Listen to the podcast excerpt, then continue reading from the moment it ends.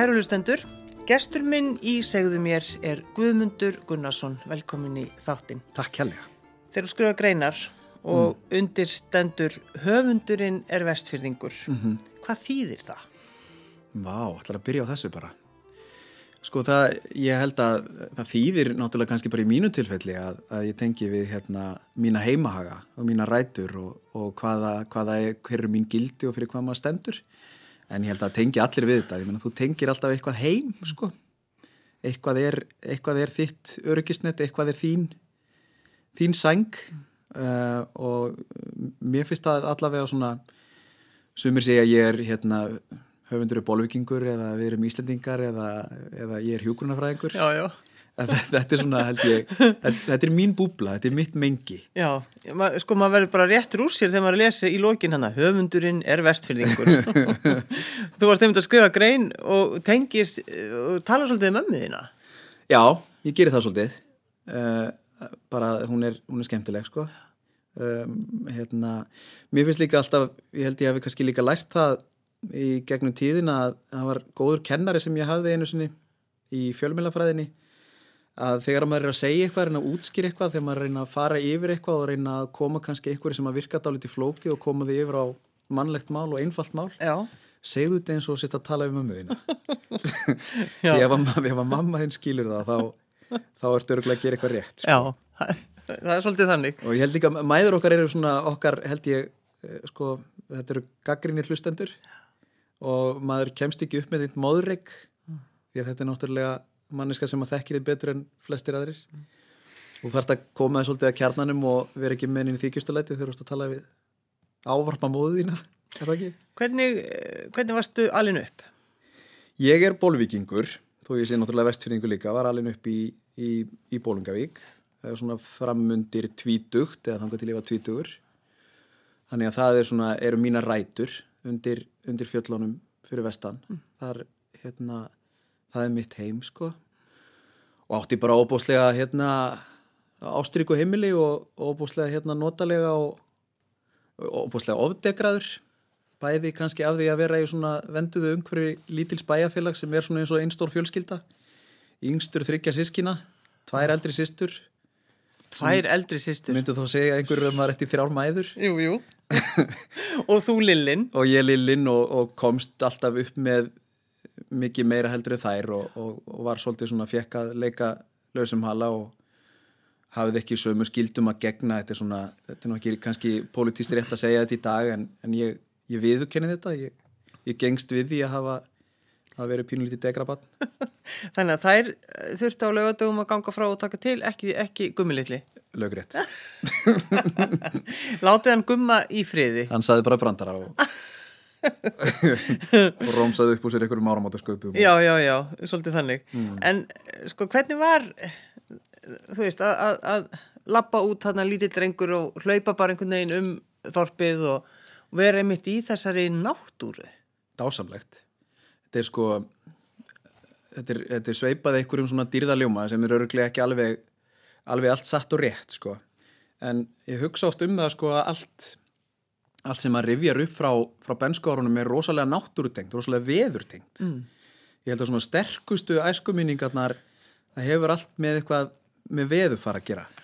Ég held að sko mín, mín sterkasta æskuminning er líklega, og ég segja oft frá þessu, er þegar við sískinni voru kannski að búa okkur út í skólan og þá er yfirlega sko í minningunni er vetur og húsið okkar eða æskuheimilið okkar er á, á staði í Bólingauk sem er mjög snjóþungur, kingir mjög mikið. Mm og ég man alltaf eftir því að, að húsið okkar var yðurlega bara algjörlega undir snjó þannig að við gerðum alltaf snjógöng að heimilinu.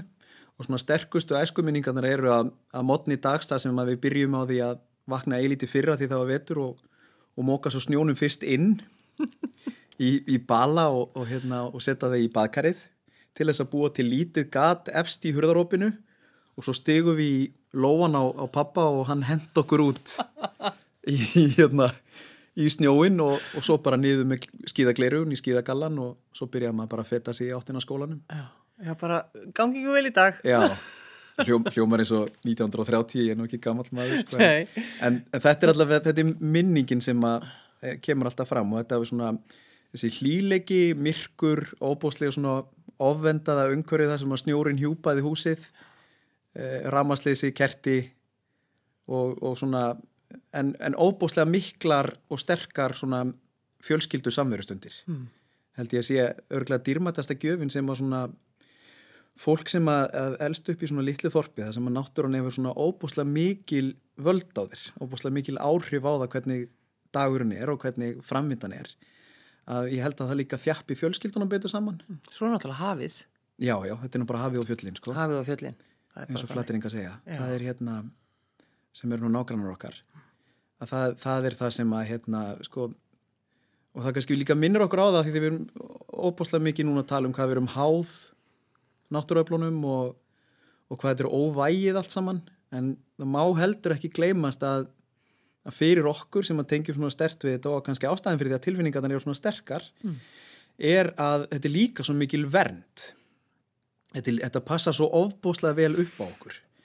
Og þetta er svo ofbúslega nálagtir og þetta er svo á, á sama tíma þetta er óvægið þetta er eitthvað svona þetta er, þetta er mjög tvíbent sko. Mm.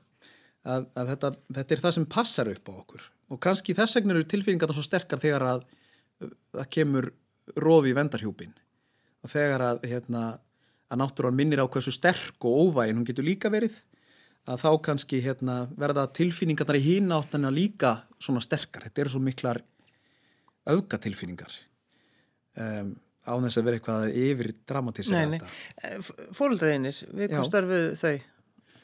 Það, ég er bara af, af, af svona hérna, ram íslenskum uh, verkalíð og verkafólki komin. Um, unnu mikið.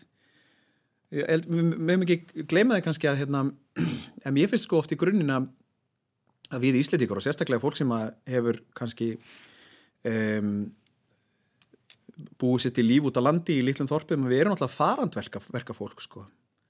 uh, ég held að bæði saga fjölskyldum minnar í föður og móðurætt þetta eru farandverkamenn, þau Já. fara um landið í leita að betra lífi, betri vinnu, uh, innkomu, meira öryggi og þannig er það með, það er ástæðan fyrir því að fjölskyldan mín er í Bólungavík, að það eru fóreldra föðu mín sem fara vestur á fyrði eftir að hafa kannski þurft að berja stálti fyrir sínu, að, að koma börnum á legg og áttu kannski ekki neitt á milli handana og þurftu að senda börnin frá sér til þess að því að það var bara ekki tilnægur peningur en svo er þarna þorp vestur á fjörðum, það sem er næga vinnu að hafa og mikill uppgangur og það er ástæðan fyrir því að þau flytja þanga á sínu tíma. Mamma er ísfyrðingur um, afi sem er líka einn af mínum bestu æskuvinum, sérst pappi mömmu er einn af þeim síðustu sem að bregður búi á hotströndum, eða sérst í Aðalvík og það er svona önnur lífsbaráta sko, mm. það sem að hérna, fólk rekst undan kannski óvægum náttúruöflum yfir djúpið og fyrst yfir í Nýfstal og svo á Ísækverð þannig að þetta er, þetta er mjög stert í, í báða leggi þessi svona farandverka mennska og kannski að leita að einhvern veginn svona að reyna að finna sér stað að því að þetta er náttúrulega landið okkar er svo gjöfult og þú getur farið á milli staða og þú getur alltaf einhvern veginn fundið þér lífsviðuværi eða möguleika eða öryggi fyrir börniðin en, en hérna svo líka ég held svona mannfram að manni, þá höfum við líka svolítið til, þurft svolítið að fjúka sko, eins og löfi vindi já, já. og, og rífa okkur upp sko. Já, þannig þetta er svolítið kannski bara guðmundur í genunum einhvern veginn hjá þér, þetta er bara þessi, þessi lífsbaráta, allt þetta, öll þessi fjöll og, og veist, hortstrandir. Mm -hmm. Þannig að þú ert, ert lítur á því sem bara heppin mann að vera með þetta einhvern veginn í genunum. Gríðarlega og ég, held, og ég er ekki deitt um það, ég held að við séum mörg svolítið, þetta er held ég það sem að gera okkur svona hörða á okkur sko. Þetta er þessi, ég hef ekki þurft að hafa fyrir neinu sko. Hey, það varstu lillin Já, ég, það er búið að, að móka allan stjóin ég þarf bara, bara að feta brautina sem að, sem að fólkið á undan mér í rauninni gerði fyrir mig sko. þannig já, ég auðvitað er ég lánsamur það er búið að milja undir mig sko. Já, já, við leiðum viðkennið það Guðmundur Gunnarsson, þá ertu bara góðum stað. Þá ertu ekki á ágjör á degrinu Nei. Nei. En fórstu strax að, þú veist, fljótt að vinna veist, ungur, ungur maður já, sömurinn það, það var bara... hann, ég minna í svona þorpum að þá, hérna, þú ert ekki maður með mönnunum að svona 12-13 ára þú byrjar að vinna í Akkurat. saltfiski eða fiskverkun og, og, og aftur sko þetta er nú hérna, mikil gæfa og mikil lán sko að geta verið einhvern veginn með þín eigin útborguðu laun og þín eigin ávísun 13 ára gammal En mannstu eftir hvernig leið þú veist að fara strax að vinna og þú veist varstu hamkisamur að vera kaldur á puttunum og... Já, þetta var frábær tími, sko. Og það var, sko, nú hljóma ég aftur eins og ég sé nýræður, sko, sem ég er ekki. Að ég, ég man alltaf svo stert eftir í líka í að það, þetta, var svo, þetta var svo samfélagslegt, sko. Að Já. í grunnskólanum þá þótti það bara óskupæðilegt, myndi kannski þykja eðlitt í dag að, að þegar það voru uppgrip og það vantaði í slægingu, að þá, þá fengum við krakkarnir bara frí í skólanum. Já, Það nú þurftu bara allir að leggjast á áratna sko. Og þó maður kem ekki í skólan fyrir en eftir hátegi vegna þess að það, var, það voru uppgrip í, í slægingu eða saltfiski eða eitthvað þá, þá var það bara þannig. Þetta er það líka skóli já, já, Hmm. algjörlega. og frábær tími sko. Svo voru við, eh, fjölskyldan tókum við þarna á tímabili voru með bensínstöðina í, í bænum sem er, er svona oft í þessum þorpum svolítið svona samfélagsmiðjan. Þar held ég svona, og þar eh, dældi maður bensíni og, og, hérna, og skellti sinni bara pulsur í með skóla og öll sumur og Fyldist með öllum, vissi, fylgdist vissi með öllum, allt. vissi hvað allir reyktu Já, vissi, vissi hvað allir vildu á, á pilsuna, hvaða, hvaða góstrykki allir vildu og Já. inn í öllum hérna kæftasögunum og er þessi bensinstöð ennþá? Hún er ennþá til, já, já. Já, já, það er hérna í miklum, miklum blóma, þetta er hann orðið veitingastæður í dag held ég sko. Bensinstöðar eru, eru svona degjandi samfélagsmyndstöð, þetta er færstóllið í sundlugarnar, Mhm. sendið. En þú, svo ferð þú náttúrulega bara gengur mentavegin, Mm -hmm.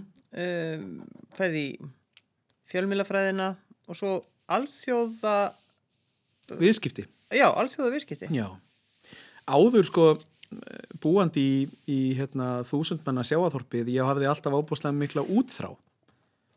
Það var hérna ofbúslega áhuga samur um öll kæftafögin, hérna sögu og menningu og tungumál á ofbúslega vel fyrir mér um, og þetta var allt svo fjarlægt sko. Eh, Reykjavík var fjarlæg, það var einhver allt annar heimur sem maður hafði nokkur sinni komið til um, þannig ég sótti það mjög fast þegar ég var í mentaskólum á Ísafyrði og við pappi áttum mörg hatrum samtöl um, um þetta að brjóta svona múra öryggisins og mér langaði svo mikið að fara eitthvað út í heim og, og sjá eitthvað meira, kynast einhverju, einhverju fleiri, þannig að við tókumst aldrei á í á mentaskóla árunum og vorum kannski ekki alltaf sammála. Fa- Fannst honum það tilgangslöst einhvern veginn, af þessi útþrá? Ég held að hann hafi nú bara verið hrættur um, um litla ofendaða púkan sko. Já, En við gerðum með okkur samkomulag að ég myndi klára stúdentinn. Ég vildi fara sko í eitthvað skona skiptinám eða að fara eitthvað út í heim og ég vildi bara fara eins langt og, og vera í talsina tíma og fá að standa á eigin fótum. En við gerðum með okkur sáttmála eh, sem ég var alveg hund óhanaði með á þeim tíma 17-18 ára að ég myndi klára stúdentinn. Eh, Þegar ég var í búin að því þá mætti ég fara eins langt og eins lengi og mér gætt dotti í hug já, og það varð úr að ég fór uh, og var í eitt ár uh, tvítugur eftir stúdentinn í miðameríkuríkinu Honduras. Bjóð þar í eitt ár og var að vinna í atkvari fyrir gödubötn í tól mánuði. Þannig að ég fór í rauninni Vá. úr sko úr frá, frá hafinu og fjöllunum og lengst inn í land í miðameríku um, og var að, var að vinna þar í, í eitt ár sem er á öllum þessum námsárum sko, maður horfir yfir hvað maður er búin að læra og hvað maður er búin að viða sér þá er þetta eina ár held ég svona þetta er svona mest mótandi tímin held ég á þessum svona mótunar árum að, að átta sig á því í rauninni hvað maður er þegar öll er á botni hvort lánsamur, hvað við höfum það alveg óskaplega gott og, og varstu þarna bara í heilt ára að vinna með, með göttubönn? já, Þannig að það hefur breytt þér alveg, það breytti mig gríðarlega mikið Gríðarlega. miklu meira heldur en ég gerði mig grein fyrir á þeim tíma já, já, auðvitað. þetta er náttúrulega fyrir, það var ekkit internetsamband og ég held ég hef ekki heyrt í fóruldri mínu fyrir einhverju eftir einhverja 2-3 mánuði. Um, og bjóð þar hjá fjölskyldu, indisleiri fjölskyldu. En svona bara allt þetta gildismat um hvaða er sem að er þér mikilvægt. Hvað er það sem að þú þart til þess að, að láta þið líða vel og vera einhvern veginn rifin úr þessu öryggisneti vestur á fjörðum þar sem að allt samfélagið er fjölskyldaðinn yfir í sko algjörlega þreyðja heims ríki þar sem að að hérna, þú þarft að berjast fyrir fyrir öllu því sem að færi þig til að tikka, öllu því sem að og líka bara þessi möguleikar þessi möguleiki að ég geti lift mér sko, þetta náttúrulega virkaði eins og hjóm þetta samtal okkar pappa um hvenar ég ætti að fara, Já, ekki hvort. Virkaði eins og maður væri alveg gjössamlega ótekraður. Já, en líka bara horfa í augun á, á hérna, mm, fólki á mínu reki og börnum yngri sem að sem höfðu ekki þetta öryggi, höfðu ekki þessa, þetta sterka tengslanett, höfðu ekki þessa kjarnafjölskyldu sem þú veist að grýpur þig alltaf. Einfallega bara vegna örbyrðar og fátæktar, sko. En ef þú einmitt hugsaður um þig svona lítinn og, og pappiðin réttir fram lóan og þú stýgur í hendina til þess mm -hmm. að hann geti hjálpaðir Gríta mér út í heiminn. Já, og hjálpaðir og svo, svo, svo hittur þú göduböld sem eru óttaslegin. Já. Og ég líka, ég hugsaði líka á þeim tíma þó að hérna, hugsanir manns hafi ekkert verið rosalega djúpar á þeim tíma Nei, nei. að hérna, sko, hvað maður veri, hvað maður veri lánsamur, sko. Og, og hérna, hvað maður tekur uh, óbúslega mörgu sem sjálfgefnu og sjálfsögum hlut. Um, ég held að svona þetta, þetta, hérna, þetta, er, þetta er held ég lífsins mesta leksía í aðruleysi um, og við gleymum okkur oft svo í svona einhverju daglegu amstri og þrasi um hvað hvað skiptir máli sko. Mm. uh, ég held að það hefði haft mjög mikil og mótandi áhrif bara á bara á, á mig sem einstakling og, og hvaða gildi það eru sem að eru manni mikilvæg sko. Pappiðin hafði náttúrulega rétt fyrir sér að senda þig ekki 17 ára. Ég myndi, ég myndi ekki senda mig tvítugan horfandi tilbaka nei, sko. Nei, fyrir það. Ah. En svo fórstu náttúrulega, svo, þú vannst líkar hjá, hjá AFS, þetta er náttúrulega kannski einmitt eitthvað... Tenging sko. Tenging. Já, um, einfallega vegna þess að mér fannst svona, þegar það tækifæri kemur upp mikið mikið setna að, að, að mér randaldi blóðu til skildunar um, að svona vinna og, og aðstóða ungt fólk við að upplifa þetta um, það eru samtök sem að hérna, hafa nú ekkit sko, minna markmið í sínu starfi heldur en að stuðla heimsfriði með því að brjóta niður óttamúrana, brjóta niður hæðsluna með því að færa ungt fólk í mótunarferðli á milli menningar heima. Ég held að það held ég að segja nokkuð stæstu áskorunum hér að við erum svo einangruð, við erum svo einsleit, við höfum svo óbúslega gott að því að brjóta niður hæðslumúrana og fá að kynast í hvernig lífið er annar staðar, hvað, hvað fælst í því að vera um, upprunin í annari menningu og öðrum uppruna með önnu gildi, önnu trúabröð.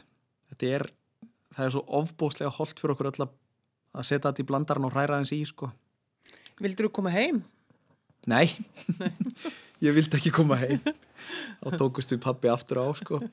Eh, ég kom, ég kom heim og ég held að það upplifi það allir hvort sem við farum í skiptin á með að ná merlendis eða að það virka allir svo ofbóslega vittlausir þegar það kemur heim. Mér sé bara um að fara á Interrail. Já. Eða í heimsreysu í þrjá mánu sko. það er, það hafði allt og maður er náttúrulega líka svo maður er svo mikill uppreist sko. Það hafði ekkert breyst og það voru allir enn við sama heikársotnið og það voru allir heima bara veltaði fyrir sig hvernig spoiler þetta eftir að fá sér á bílinn. Þú hefur alveg En ég hef verið óþólandi hefur óþólandi En, já, en ég endist nú ekki nema í fjóra mánuði heima. Og svo var auglist í blaðinu eftir hérna það var, var ég náttúrulega taland á spænsku. Það var flugfélag hérna í Ísland sem heitir Er Atlanta sem auglist eftir hérna, spænsku meilandi íslendingum til að fara og búa á Spáni og vinna sem eh, flugfreyður og þjónar. Þannig ég hendi mér út í það og bjó í Madrid í síðan tæp tvö ár þarna eftir þetta. Já, já, já. Og sem var líka góðu skóli, sko. Þannig er svona útþráin, að hún er, þetta er svo mikilvægt að við finnum fyrir henni. Vistu það ekki? Jú, ég held líka, sko, ég oft veltið fyrir mér að ég held að þetta er eins og með tungumál, sko. Þú nærð betri tökum á erlendu tungumáli ef að tökinn þín á móðumálinu eru góð er það ekki? Mm.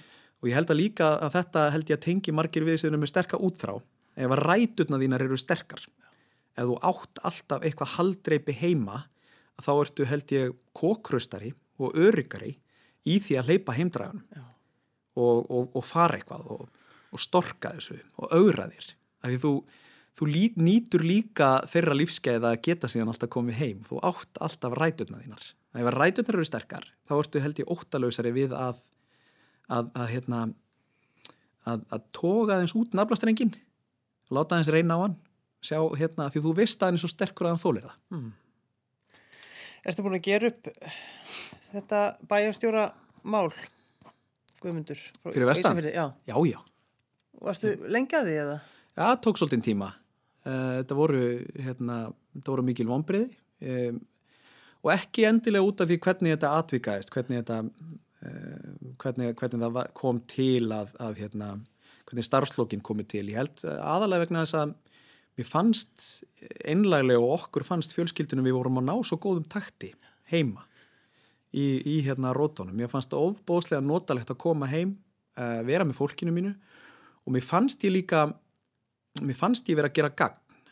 Að mér fannst ég vera að ná ná því að, að hérna, fólk var farið að treysta mér fyrir því að, að tala fyrir sína hönd mér varst líka óbúslega gott að koma heim og spekla í rauninni það sem að maður þá kannski þekking og reynsla sem maður búin að viða að sér og mér fannst ég vera að varpa svona ákveðinu spekli á samfélag sem er mér óbúslega, kært uh, mér langaði líka til að gera miklu meira mér langaði til að vinna að uh, fleiri og meiri umbútamálum og framfaramálum fyrir, fyrir svæði mitt og fyrir fólki mitt.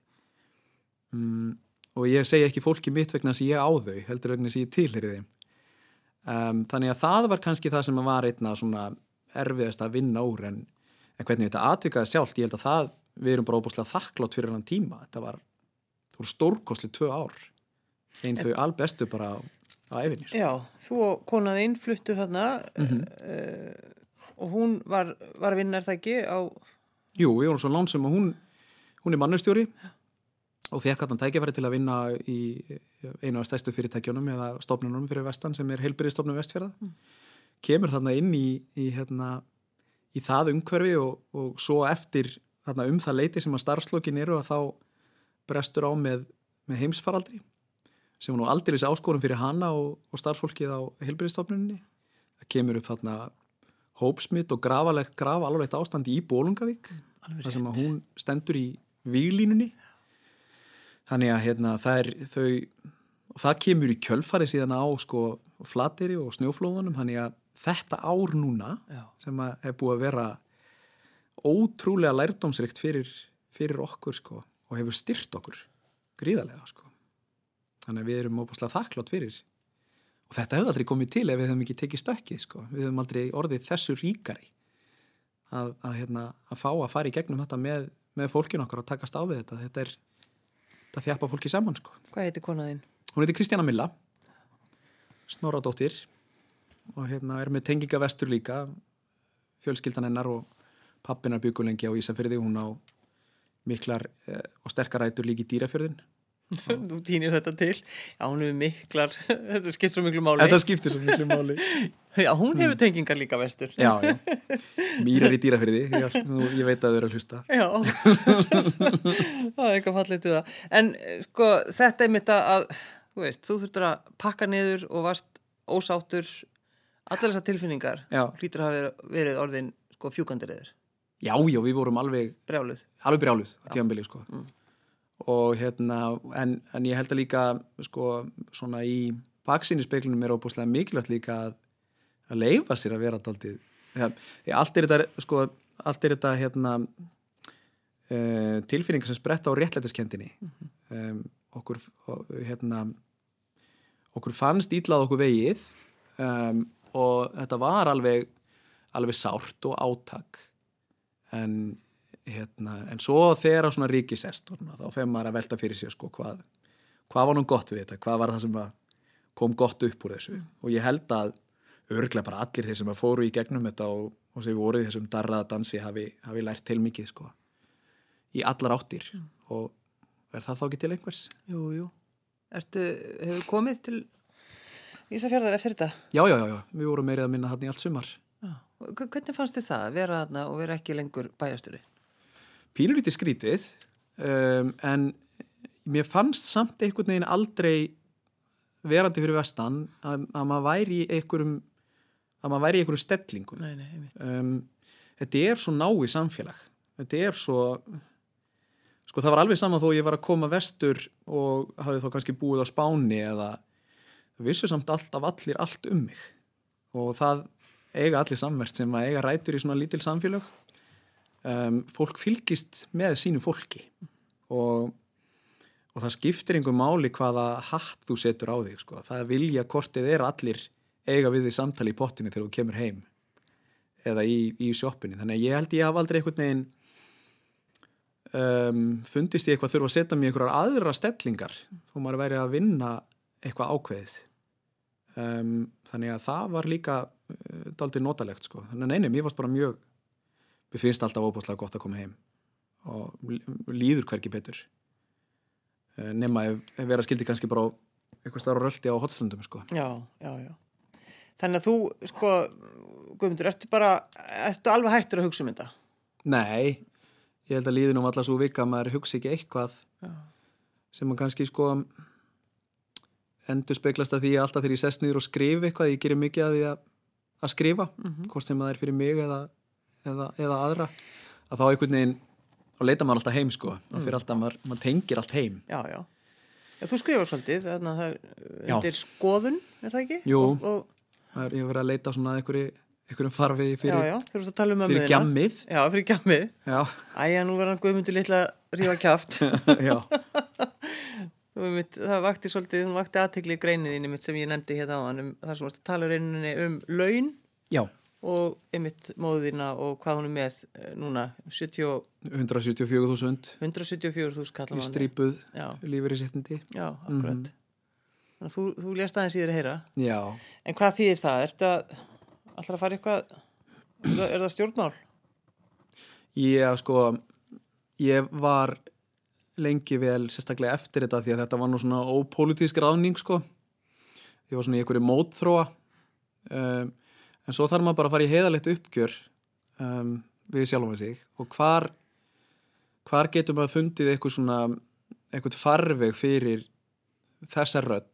Um, mér, mér finnst sko það liggur vel fyrir mér að, að einhvern veginn að að tala fyrir eða benda á eða minna á eða tala um í rauninni hagsmunni fólk sem býr í dreifðari byggðum á Íslandi þannig að, að svona beina leiðin liggur í stjórnmól já.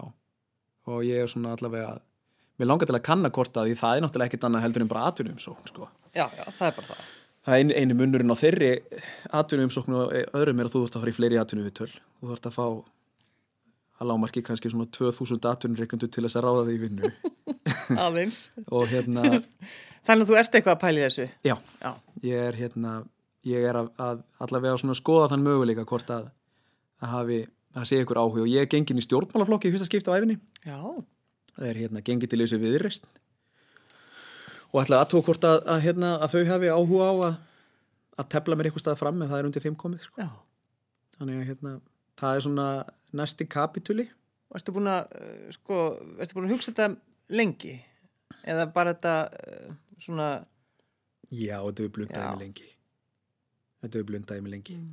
um, ég, ég allavega, ég finn hjá mér óbúslega sterkar þörf til þess að hérna, ég hef svo sterkar skoðanir á samfélaginu svo sterkar skoðanir á sérstaklega þessum hagsmunum fólksi sem að hérna, stendur mér nærri og mér langar til að að gefa að mér þar, komast í aðstöðu þar sem að maður er um, þar sem maður hefur rödd og þar sem maður getur haft áhrif og kannski komið hérna, þetta er aftur réttlætiskendin sko. Um, mér finnst við svolítið vera trostnúr okkur. Mér finnst aldrei vera að breyka svolítið bylið um, og, og mér er ofbúslega ég er ofbúslega erfitt með svona þess að daldi inngrónu landsbyð höfuborg kerkju sem að ég veit að er ekki drosalega kannski mikil innistæða fyrir en mér finnst algjör óþarf að við förum eitthvað í þessu litla landi þessu litla þjóð, að við förum eitthvað að skipa okkur í okkur af fylkingar. Ég held að við eigum bara að eiga heiðalegt samtal um að hagsmunur okkar eru ólíkir. Þarfir okkar eru ólíkar. Ertu vissum að þú vilja fara út í þessa politík? Nei. Nei, er maður eitthvað tíma vissum eitthvað? Hmm. Það er maður ekki að vera bara líka alveg þú veist, þú þarfst að vilja þetta alveg inn í hjartanu held ég. Já. Að fara út í politík já, öðru. að sjálfsögðu, en ég held á endanum þurftu bara að hlusta svolítið á, á sko, hvar líkur ástriðaðinn hvað er það sem að virkilega færðig til þess að spretta fram úr á mótnana og, og, hérna, og, og nú eru spennandi verkefni framöndan mm. Nú, hér er eitthvað sem skiptir máli. Það skiptir mig máli og skiptir kannski fleiri máli um leið. Um, og ég held að ef maður er bara heiðalegur í því sko, ef maður bara hérna átt að segja hvar gildin liggja þá getur maður einhvern veginn ekki klúðraði sko jújú, jú, þetta getur maður klúðraði Jú, jú, já, já.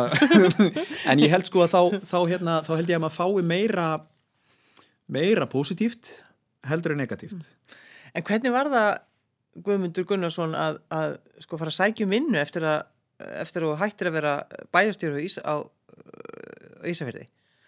bara mjög erfitt sko Já, er það ekki? Jú, af því að þetta þrengir svo þetta þrengir svo mengi, þú ert alltaf fyrfirandi sko það hefur, aldrei ég hef aldrei verið ávarpaður sem sko fyrfirandi sölustjóri eða, eða hérna Ég sá, það poppaði upp mynd, ég var eitthvað, ég var eitthvað að skoða þig og þá er sko, einhver ljósmyndaðir og þá stendur undir eh, Guðmundur Gunnarsson, fyrirvirandi bæjastjóri í Ísafjörðabæð. Akkurat. Já. sem er sko eitthvað innan við tveggjar á tímabil á, Þetta 44 ára æfi sko. Þetta verður alltaf, þú verður alltaf fyrirvirandi bæjastjórin. Já, ég held ég hef ekki átta mig á því áður en að ég tók það starf að mér sko. Að þetta myndi svona einhvern veginn vofa yfir manni Já. en jújú, jú, það, er, það er erfitt sko. og það, það hérna, setur manna í, í daldið svona einhvern annan flokk sko, þegar maður sækir um og það, það hafa alveg hafa komið upp tækifæri en eftir að hafa verið í sko, þetta er, þetta er, þetta er skemmtilegasta starf sem ég hef verið í. Bara þannig að það sé, það sé sagt. Og það er ekki út af því að út af þessum titli. Það er út af verkefnunum, það er út af sko, sveita stjórnamál almennt, eins sko leiðingjant og það getur hljómað. Það er ótrúlega eh, gefandi vinna vegna þess að þú ert svo ofbóðslega nálagt fólkinu fólk hefur svo ofbóðslega sterkar skoðanir því að þetta snertir í rauninni alla þessa svona grunn þjónustu sko bara allt frá hérna, skólanum sem börniðin gangi. Eh, hérna, hver tekur sorpi frá húsinniðinu, hver mókar snjóin á göttunniðinni Og næstu því hver að vinna sko í sjoppunni. Það það, það er ekkert sem hefur ekki snertiflöt við, við þetta. Og það er, það er það sem er svo gefandi. Þetta er svo ofbóðslega mikil nánd og nála það hafa allir skoðanir úr hluti af daglegu lífi allra sem búa í samfélaginu. Og það er alveg það fannst mér ofbóðslega skemmtilegt. Og líka bara þetta er svo síkvikt og margbreytilegt sko. ég hef unnið störf sem eru skemmtileg. Ég til dæmis vann hérna við bæði við dagskrargerð og í fréttamennsku sem er gríðarlega fjölbreytt starf og þú veist ekkert hvað átt að fara að gera þegar þú vaknar á mótnana og það getur verið hvað sem er. Og engin dagur eins og það liggur eitthvað eftir þig og... þetta er, þetta er eitthvað sko þetta er, mei, þetta, er, lengra inn í kvikuna sko þú ert ekki bara að segja frá því þú ert að hafa bein áhrif á það hvernig við ætlum að hafa þetta En ertu búin að tala um þetta við pappaðan og mömmu að þú ætlar að, ert að pæla í pólitíkina því þau, eh, hann horfir á, á alþingisarásina og, talar við, eða er það mamma einn sem talar við á? bæði Já, það kom alls konar setningar. Já, já, Þetta eru nú meiri vittlisingarnir. já, já Mamma er meira svona í þessari kannski ekki alltaf uppbyggilegu gaggrinni hún, hún lætur það svolítið heyra það en pappi upplifir sig meira sem hluta af, af alþingi ég held að hann lítið dáltið á sig sem pínu skugga alþingismann hann, Já, já, já. hann alltaf því greiðir atkvæði sko. Og, en, en þá líka sko, aftur að því hvað það er sem að mótar mann sko. hérna, pappi hefur miklar skoðanir og sterkar á, á stjórnmálum og ráðamennum og, og fylgist mjög mikið með uh, þegar hann var um, á mínum uppvakstarárun þegar, að, hérna, þegar hann var kannski í tveimur, þreimur störfum uh, þá var það okkar frum og megin skilda heima á meðan hann var að vinna. Það var að, að gæta að því að það var alveg öruglega spóla í videótækinu til að taka upp fréttatíman þannig að þegar hann kæmi heim þá gæti hann öruglega að horta á alla fréttatímana sem að höfðu verið á meðan hann var í burtu og þegar tíu fréttirna komu líka og bættust við sko þá, þá var hann oft ekkert sopnaði fyrir en 2-3 á nóttinni því hann var að klára vaktina sko þannig að það er kannski ekki skrítið að, að maður hafi sterkast skoðanir á, á politíki eða, eða stjórnmálum sko Guðmundur Gunnarsson, ég ætla að segja það, fyrirvændi bæjarstjóri í Söðurbæði. Takk fyrir að koma. Takk fyrir að bjóða mér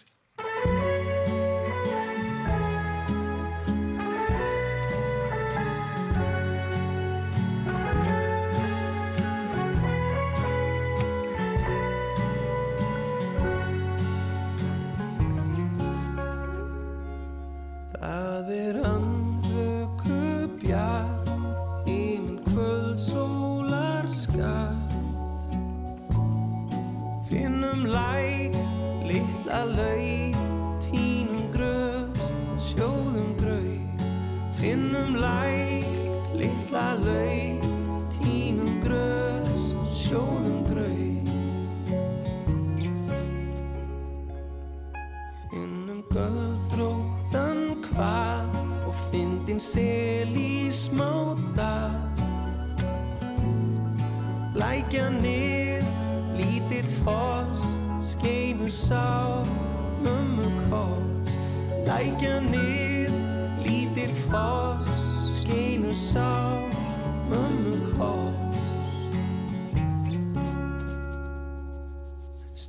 um að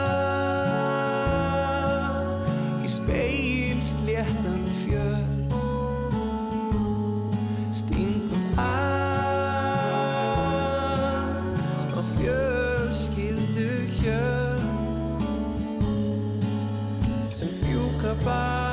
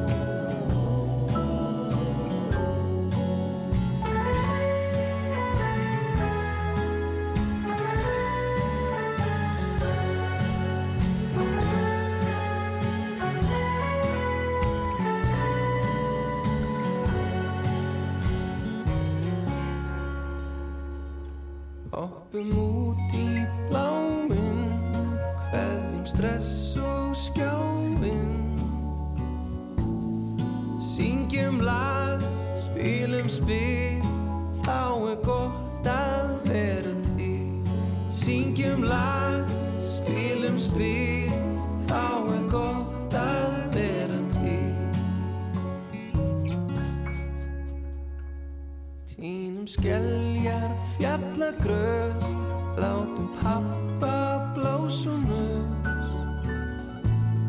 Við grótar hól Í feluleik Á hlæðslu Lampasteik Við grótar hól Í feluleik Á hlæðslu Lampasteik Stingum að